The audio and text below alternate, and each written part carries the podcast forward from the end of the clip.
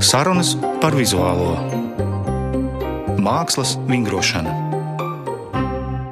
Šodien pie manas raidījumā ir mākslas zinātnieks, kritiķis un filozofs Pēters Bankovskis un mākslas kolekcionāre un mecenāte un juriste Vita Liberte.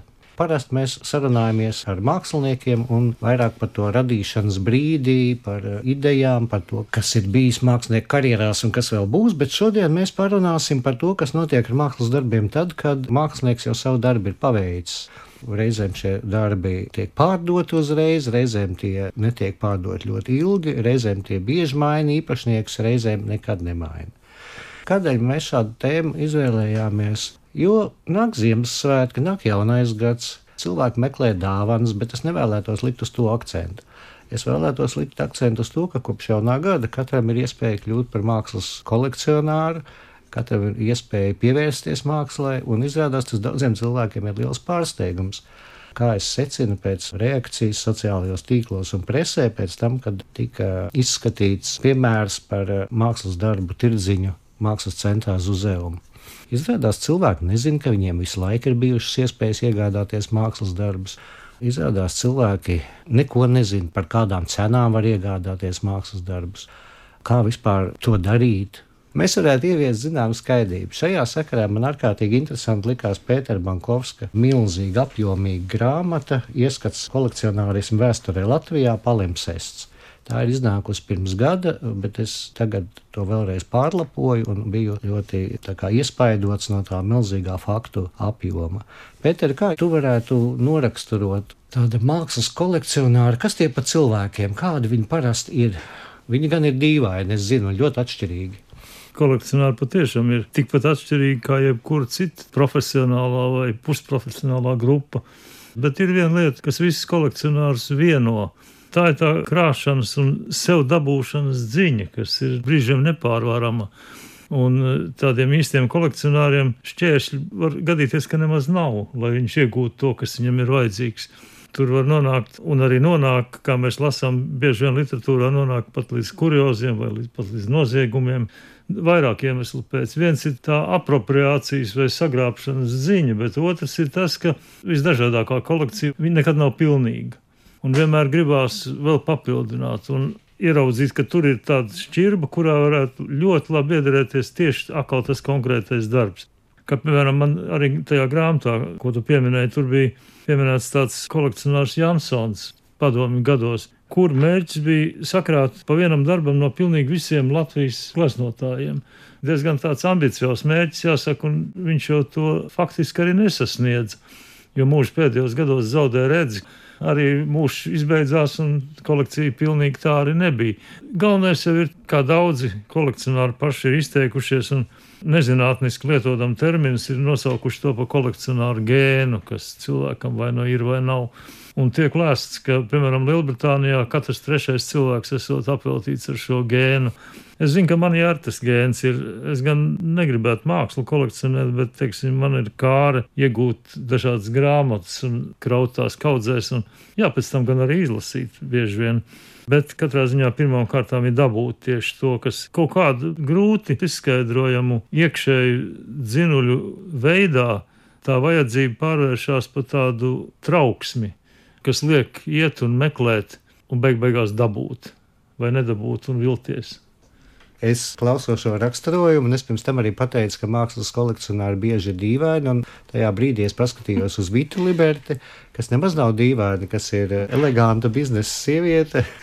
Ļoti racionāli, manuprāt, advokāti, kas arī nav retums mākslas mīļotāju aprindās.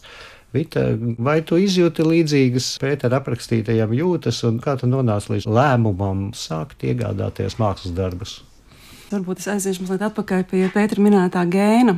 Lai uzreiz dotu atrunu, ka laikam es neesmu kolekcionārs, jo man nepiemīt šīs trauksmes vai kaut kādas apropriācijas vēlmes praktiski nemaz. Tas man nekad nav bijis galvenais ka man būs tas darbs. Mūsu kolekcija patiesībā ir veidojusies vairāk caur atbalstu un tāpēc mēs kolekcionējam galvenokārt eh, laika biedru mākslu. Un, uh, tas mums patiesībā interesē vairāk. Radīšanas process un darbs iespējams ir tikai sekundāra blakne no tā, ko mēs darām. Tā pašā laikā es arī nenoliekšu, ka manas kolekcionēšanas parādība ir bijusi interesanti jau vairākus gadus. Es piedalījusies ar diezgan lielu regularitāti izsolēs, kas notiek Latvijā, un es redzu tur ļoti daudz kolekcionārus. Bet, kā mēs zinām, izsolēs līdz šim tiek pārdota tikai klasiskā māksla, respektīvi periods galvenokārt pirms kara. Tam liels pieprasījums, un tur es redzu to lielo trauksmi. Es redzēju situācijas, kad viena darba dēļ cilvēki nonāk konfliktā. Bet, diemžēl, par laimi patiesībā man šāda trauksme absolūti nevalda laikmatīgajā mākslā. Tur nav nekādu problēmu iepazīties ar mākslinieku, kas tev uzrunā un iegādāties viņa darbu bez jebkādas trauksmes vai sacensības. Tie darbi visi pieejami. Un, diemžēl viņi nenonāk arī izsolēs, vai nonāk ļoti, ļoti maz. Jā, acīm redzot, tirgus vienkārši to nepieprasa. Pagaidām. Jā, es lasot arī Pētera grāmatu, tur ir vienkārši fantastisks pārskats par to, kādi tikai kolekcionāri nav bijuši dažādos laikos. Un nemaz nerunājot par bēdīgiem padomu laikiem, kad daudziem tas beidzās ar, ar dažādām represijām. Bet nu, arī tajos 30 gados, kurš mēs esam atkal neatkarīgā Latvijā, ir diezgan daudz aktīvu cilvēku. Ir faktiski rosīga šī mākslas dzīve, tādā komerciālā izpratnē, notikusi visu laiku, notiek joprojām. Vienīgais gan man jāpiezīmē, ka lielākā daļa to redzam redzamāko kolekcionāru vārdi ir ļoti vērsti atpakaļ uz starpkara periodu mākslu, vēl senāku mākslu, antikvāriem priekšmetiem. Īpatnēja detaļa, ko Pēters piemin, ir, ka padomu laikā, salīdzinot ar Igauniju un Lietuvu, latvieši mazāk kolekcionēja savus paudzes darbus, vai arī tās kolekcijas nav saglabājušās. Man liekas, ka šī tendence ir arī joprojām. Vita ir viena no nedaudzajām, kas pievērš uzmanību tai laikmetīgajai mākslai saucamajai. Es saprotu, Pēter, ka tu arī lielāku vērtību saskatīji senākā mākslā.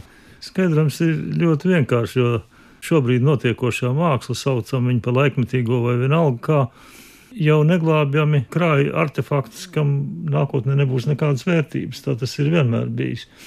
Jo no visas milzīgās mākslinieku saradītās produkcijas parasti iegūst kaut kādu vērtības patīnu ar gadiem un dažādu iemeslu pēc, vai nu, teiksim, kritiķu izbīdīšanas, vai finansiāli kaut kādu panākumu, vai vienkārši tāpēc, ka ir izcili padevies darbs.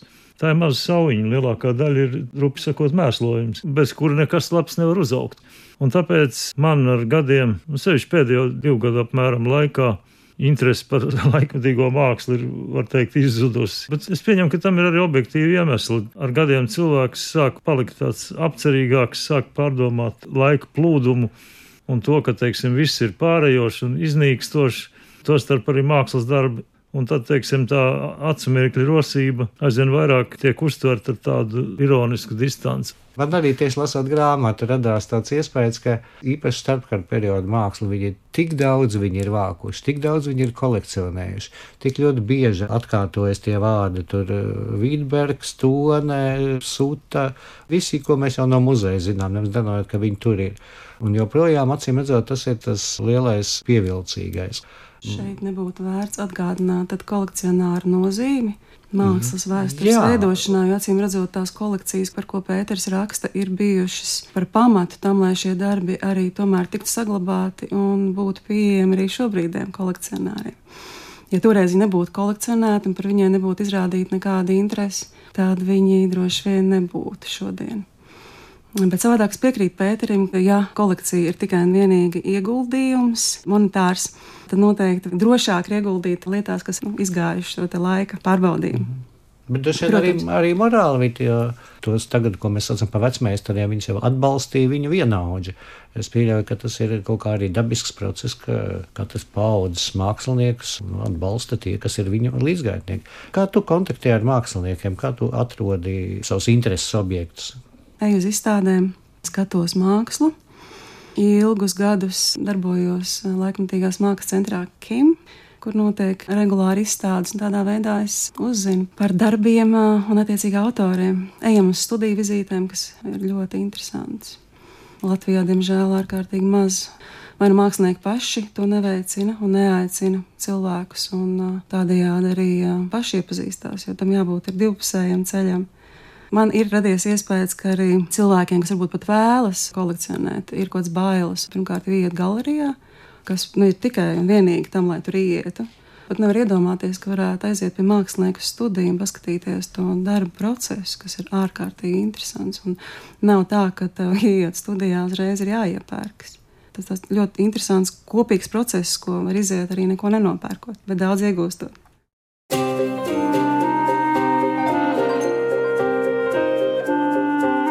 Mākslas vingrošana. Šodien studijā ir eh, mākslas kritiķis, kurators un filozofs Pēters Bankovskis un eh, mākslas kolekcionāra un mecenāte Vita Liberte. Radījumu vadījis Vilnis Vējš, mākslas kritiķis. Pēter, kā tu velc robežu starp eh, vienkārši cilvēku, kurš iegādājas dažus mākslas darbus savas dzīves telpas dekorēšanai, un kolekcionāru? Tās robežas novilkt nav nemaz pārāk viegli, jo Vienam varbūt īpašumā ir trīs priekšmeti. Un viņš jūtās kā kolekcionārs, ka viņš ir tos dabūjis. Un, lūk, viņš ar tiem var varbūt pat savā iekšējā vidē pat tikai lepoties, ka lūk, tas man ir kaut kāda Faberžē ola, piemēram, vai kaut kas tamlīdzīgs.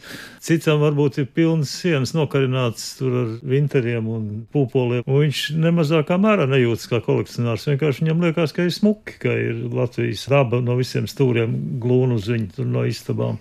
Es te tā izteicos par tagadnes laikmetīgo mākslu. Bet no kolekcionēšanas viedokļa ne tikai Latvijā, bet visur laikmatīgā māksla, kur bieži ir ārkārtīgi grūti kvalificēt kā mākslu vispār, ir nenormāli grūti kolekcionējama nereti. Jo, ja tu iegādājies perfekti sakrautu un instalētu sarūsējušu dzelžu kaudzi, tad pēc tam saglabāt to kā mākslas darbu nav pārāk viegli. To jau mēs redzam, kā muzeji, kas ir sapirkušies Jozefa Boisa lielās instalācijas, viņas parasti nekur nav izstādītas. Viņi atsevišķos gadījumos uzkonstruēja pēc fotografijām un video materiāliem atpakaļ. Pārsvarā tas ir sapakots kaut kur stāv noliktavās un privāta personai, kas vēlas kolekcionēt laikmatīgo mākslu, kaut vai šeit pat Latvijā, nāks saskarties ar apmēram tām pašām problēmām. Nereti, ja tā privāta persona pašdeklarējas kā cilvēks, kas saprot to, ko viņš redz tajā izstādē, un augstu to iegādāties. Bieži vien formāts, materiāls, izkārtojuma veids nu, nekādā veidā neatbilst tām iespējām, telpiskajām, kas tam kolekcionāram var būt. Pie mums, atšķirībā no bagātākām valstīm, Nepārāk daudziem pieder milzīgi rūpnīcu angāri, kuros viņi var iekārtot paši savus laikmatīgās mākslas muzejus. Ja paskatāmies to žurnāliņu kolekcionāru vai kolekcionāru sarunas, kas jā, ir kaut kādi seši laikam iznākuši tagad, jā, jā. jā tad tur mēs redzam, ka teiksim, tie cilvēki, kas spēj un grib kolekcionēt turienes vai šurienes laikmatīgo mākslu, Viņiem ir iespējas, kur to izlikt, bet pie mums pagaidām, varbūt arī vēl ilgāk laika, mēs esam maza, kompakta sabiedrība ar kompaktām, teiksim, izstādīšanās iespējām. Un, Vēriens nav un nekad nebūs tāds, kāds, teiksim, ir šur un tur citur. Tāpēc arī es pieņemu, ja kāds kādreiz būtu gribējis kā kolekcionārs iegādāties kaut vai Oļega Tilberga milzīgos objektus, tās sienas ar eļļēnām, papīriem un lupatām, kas viņam bija, un to lidmašīnu vai kaut ko citu no tā visa Vai es aizmirsu, kurš to bija taisījis? To tramvaju uzlaist vertikāli. Gads jā, jā. Piemēram, kāds gribētu nopirkt un kolekcionēt tos stāvus, uzliet to tramvaju. Nu, es nevaru iedomāties, kurš to varētu atļauties. Šeit arī Pēters, atbildēs jautājumu, kas ir kolekcionārs, jo nu, netieši tiek uzskatīts, ka tas ir cilvēks, kuram ir nepieciešams iegādāties speciālu telpu savas mākslas glabāšanai. Un, kā minēja, piemēram, viens ir tas, kas savā istabā ir sakārs.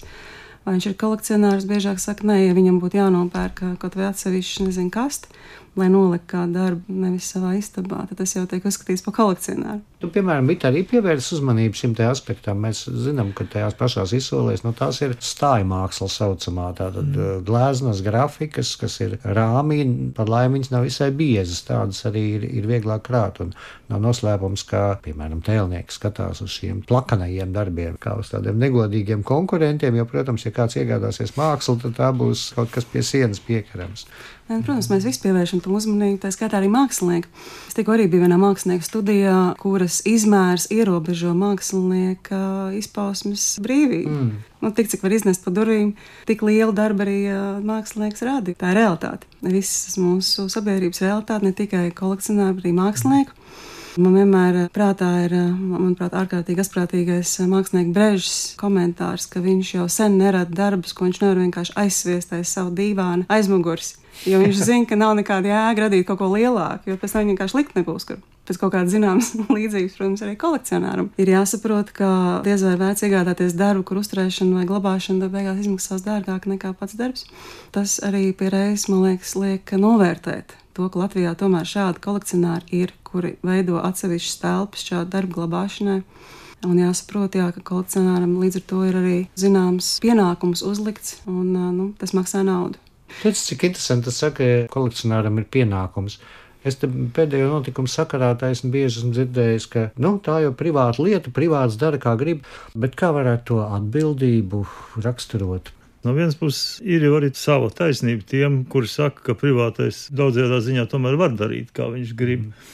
Un, ja viņš ir sapircies vienā brīdī kaut kādas deksmes dēļ, tur veselu čupu tādu vai citādu autoru darbus, un paiet kaut kāds laiks, un viņam tie var nelikties interesanti, ja viņam ir jāpērk kaut kas cits un jāmaina, un iešaušās galvā pēkšņi kaut kādas idejas, ka jāsāk kolekcionēt pilnīgi citādāk, nu, tad viņš pārdod, pārdod parasti bez lieliem sirdsēstiem. Vienkārši tā ir tā aprite, kas notiek. Daudziem pazīstams kolekcionārs Mārs Vītols, piemēram. Viņš taču sāk ar latviešu mākslas kolekcionēšanu. Tad viņam radās interese, un tā interese aizvien pieauga augumā, krāt bijušo sociālistisko valstu, ja mēs tā varam izteikties, mm -hmm. par šīm valstīm, par Austrum Eiropas laikmetīgo mākslu.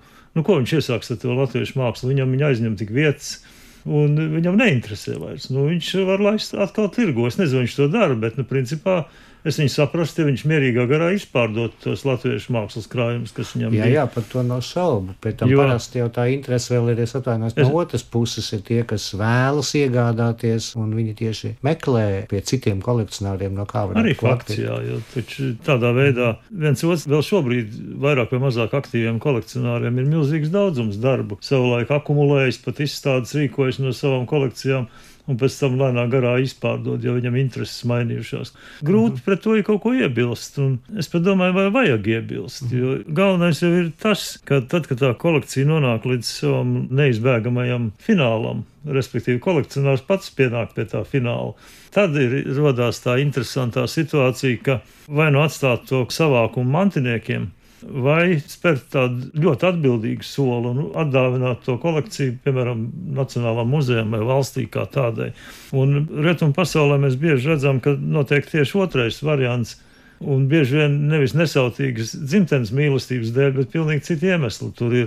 Un tie ir mantošanas likumi nežēlīgie, kas ar tik ārprātīgiem nodokļiem apkrauj mantojamo lietu ka tas cilvēks, ja viņš gribētu viņu paturēt, viņš iespējams pat varētu bankrotēt. Ja, piemēram, tā ir kolekcija kaut kādam fondam vai kaut kam tādam, tad viņi vai nu dibina jaunu muzeju, ko uzdāvina valstī.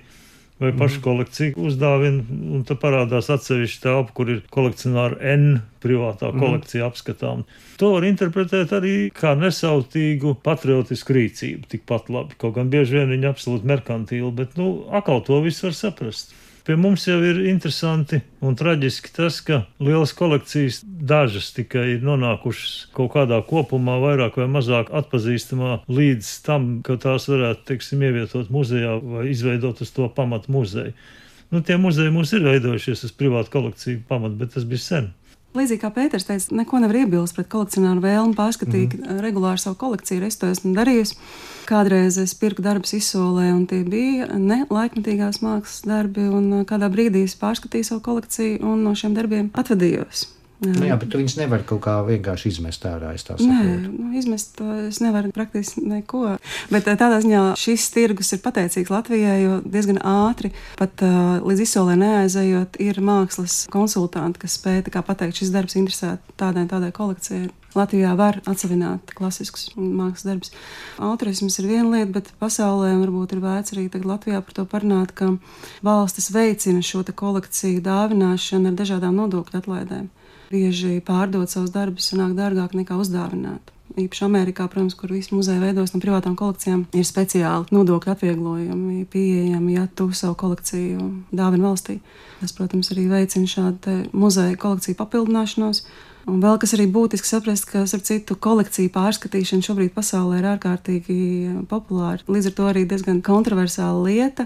Jo vispār sabiedrībai nepatīk, ka muzeja sāk pārstīt kolekcijas. Mm -hmm. Jo šķiet, ka tas pieder mums visiem kopā un nedrīkst neviens tur ieviest nekādu citu kārtību. Bet šobrīd muzejiem nākas to darīt, jo ir spiediens iepirkt sieviešu mākslu, ir spiediens iepirkt melnādainu mākslinieku mākslu. Tāpēc, piemēram, šobrīd arī ārkārtīgi interesants un aktuāls jautājums Metropolitēna muzeja mm. arī kolekcijas atvēršana gan šādu jaunu darbu iepirkšanas vajadzībām, gan arī, protams, viņiem problēmas dēļ Covid uzturēt visu to lielo saimniecību. Viņi paziņojuši, ka viņi pārdos vairākus senus savus kolekcijas darbus. Un, protams, sabiedrībai tas nepatīk. Mm. Ir daudz diskusijas, kā tā var darīt. Bet uh, Amerikā muzeja arī ir privāta. Tomēr Amerikas sistēma ir diezgan atšķirīga pat no tās Eiropas sistēmas, pie kādas mēs šeit esam pieraduši. Bet vienmēr runājot par to mākslu un, un tirgošanos, agri vai vēl nonāk pie tās cenas un vērtības attiecībām. Cilvēkiem vienmēr liekas, ka māksla ir šausmīgi dārga. Un māksliniekiem liekas, ka viņi neko nevar nopelnīt. Nu, tur ir tādas universālas pretrunas, ka viens grib pirkt vienmēr lētāk, otrs grib dārgāk pārdot. Ir arī kaut kāda lokāla aina, ka mums tādā latviskā pieticībā liekas kā nepiedienīgi, ka ir priekšmets, kas maksā dārgāk par veļas mašīnu vai par dīvānu. Savulaik lasīju vienu tādu sacerējumu par to, kā radās vērtība, piemēram, Marka Rotko gleznām ka to mantinieki saziņā ar advokātu Bāru ļoti centīgi pie tā strādāja, ka viņi atrada propagandistus, kas ieskaloja cilvēkiem, cik ārkārtīgi garīgs un saturīgs ir šis, teiksim, plankums tur un strādāja pie tā vairākus gadus, cīvi un neatlaidīgi. Mm -hmm. Faktiski iestāstījis plašākai sabiedrībai, cik ļoti vērtīgs un būtisks tas viss ir. Attiecīgi kāpinot uz augšu cenu, un tā tā lieta aizgāja. Tāpēc tam bija viens cits stāsts, kas ir viena no slavenākajām tiesvedībām vēsturē, jā, jo tur to cenu arī turēja mākslīgi līdz mākslinieka nāves brīdim Marlboro galerija, kur bija parakstījusi tās dīvainas līgumus ar mākslinieku par to, ka viņi tur dalīs uz pusēm to izmeklēšanas centra, kā tur vēl tāds stāsts iepriekš. Un tad tā rezultātā sākās liela tiesvedības ar mantiniekiem šo galeriju. Un arī tas, protams, veicināja jā, kaut kādu publisku rezonanci milzīgi. Tas ir arī veids, protams, kā piesaistīt māksliniekam uzmanību un pacelt viņa cenu. Bet pie mums jau atkal vienbrīd ļoti augstu vērtēti tik krietni daudzie, kas ir saglaznot savā laikā Libertu, tādu Parīzes skatu un Venecijas jā, skatu. Un joprojām tā. viņi ir diezgan jā, jā. cenās. Man liekas, ka tur liels nopelns bija toreizējai Paraks bankai, kur jā. aktīvi iegādājās šos un dekorēja savus bankas stāvs ar tiem un krāja. Un tur panesās līdzjutēji, kas redzēja, o, ja jau tie pērka kārtīgi, tad nu, tā tā cena uzkāpa vai ne kaut kur.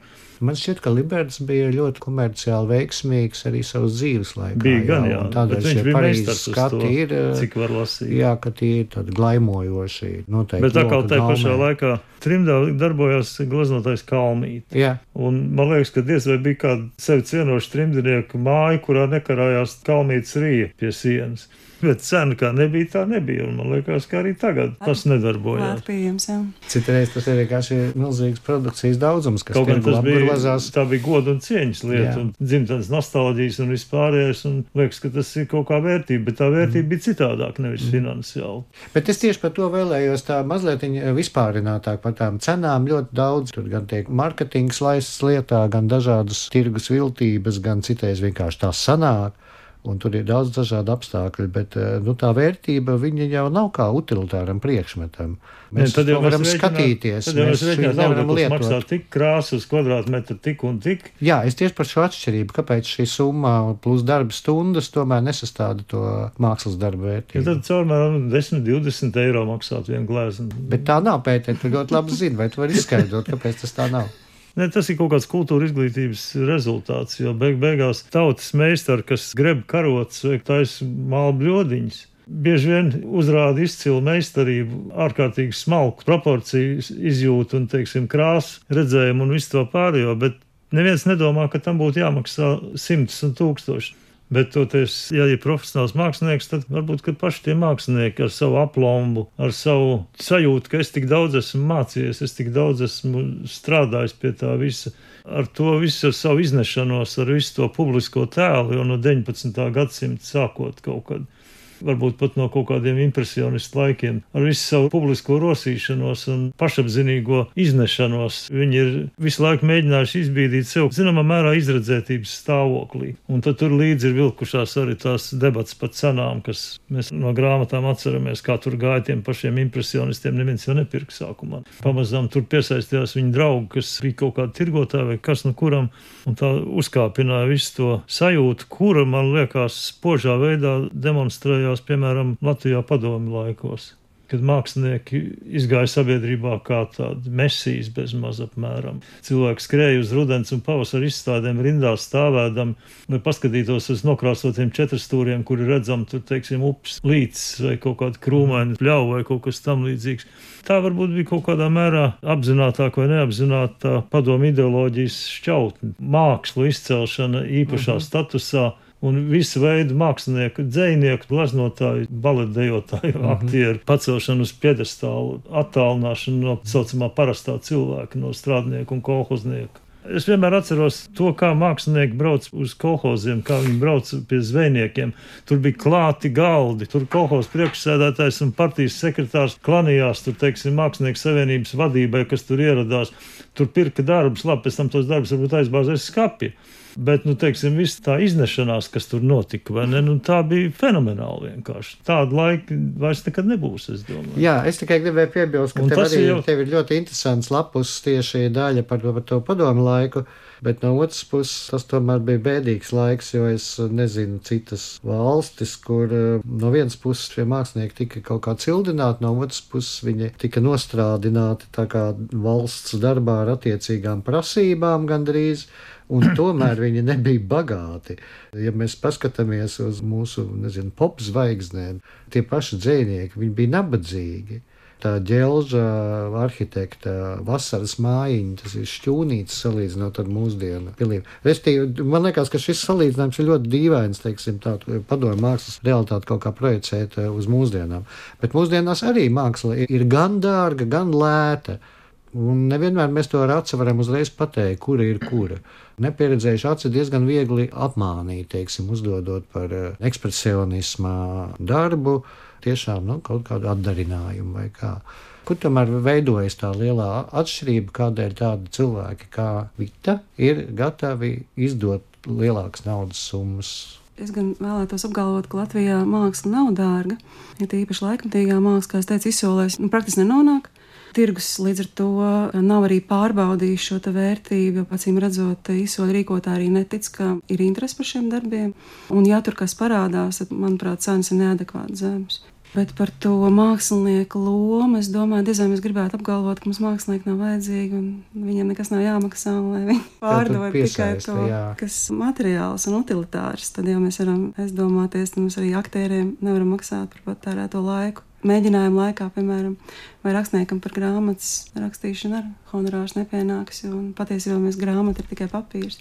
Ne, nu, tāda rūkuma situācija jau veidojas arī tādā sadurē, ka, piemēram, viens knapi pabeidzis vidusskolu, eleganti tirgojas ar miltiem un gūst milzīgas panākumus tajā nozarē. Un tad viņš aiziet pie mākslinieka, kurš ir pabeidzis profesionāli gan Rozentāla skolu, pēc tam akadēmijā izmācījies maģistratūrā un nedod Dievs vēl doktorantūrā. Un tas iedrošinās paprasīt tam miltu pārdevējam kaut kādu tūkstotu vai divus par to gleznu. Un tas jūtas apvainots un aiziet un nopērk džipu par 60 tūkstošiem. Jā, par vērtībām sabiedrībā. Jā, nu, tieši šķiet, tā. Taustāms automobīls ir vērtīgāks nekā mm. mākslas darbs. Bet grūti, protams, argumentēt. Var jau teikt, ka tā ir dabiska parādība un dabiska situācija. Varbūt tā tam ir jābūt. Bet man tomēr šķiet, ka īsti tā nav jābūt. Kaut kas tur nav pareizi. es gribu pabeigt tas tāds priecīgs nots, ja ir šī interese atkal kaut kur uzvirmojusi, ja cilvēki interesējas, tad viņiem ir jāzina, ka viņi visu laiku var, kā Vita teica, iet iekšā galerijās, sarunāties ar galeristiem, sekot izstādēm bez šaubām, lai saprastu, kas ir viņa mīļie mākslinieki, kas nav viņa mīļie mākslinieki. Ir uh, izsoļu nama pat vairāk Rīgā antikvariāti pats par sevi šajās izsolēs nav sarežģīti piedalīties. Sākuma cenas ir ļoti zemas daudziem darbiem. Ar internetu iespējām ir paplašinājušās ļoti iespējas piedalīties starptautiskās izsolēs, pirkt, ja ne slavenu mākslinieku tos oriģinālos, vienā eksemplārā gleznotos darbus, tad limitētās sērijās izdotus grafikas darbus. Iespējas iegādāties mākslu ir plašāks kā jebkad ieguldīt gudri vai nepārmaksāt. Mēs arī varam uzzināt, kā to darīt, lietojot internetu. Bet galvenokārt jau interesējoties. Interesi par mākslu ir tas, ko mēs kā sausu atlikumu varam izvilkt no dažādām arī konfliktu situācijām. Un novēlēt visiem jaunajā, nākamajā gadā daudz, daudz intereses par mākslu. Paldies! Manā raidījumā piedalījās Vita Liberte, advokāte, mākslas mecenāte un kolekcionāre un Pēters Bankovskis, grāmatas palimpsests autors, mākslas vēsturnieks, filozofs un kādreiz arī kritiķis. Paldies par uzaicinājumu. Paldies, raidījuma producente bija Ieva Zeidmane. Raidījums tapis ar valsts kultūra kapitāla fonda atbalstu.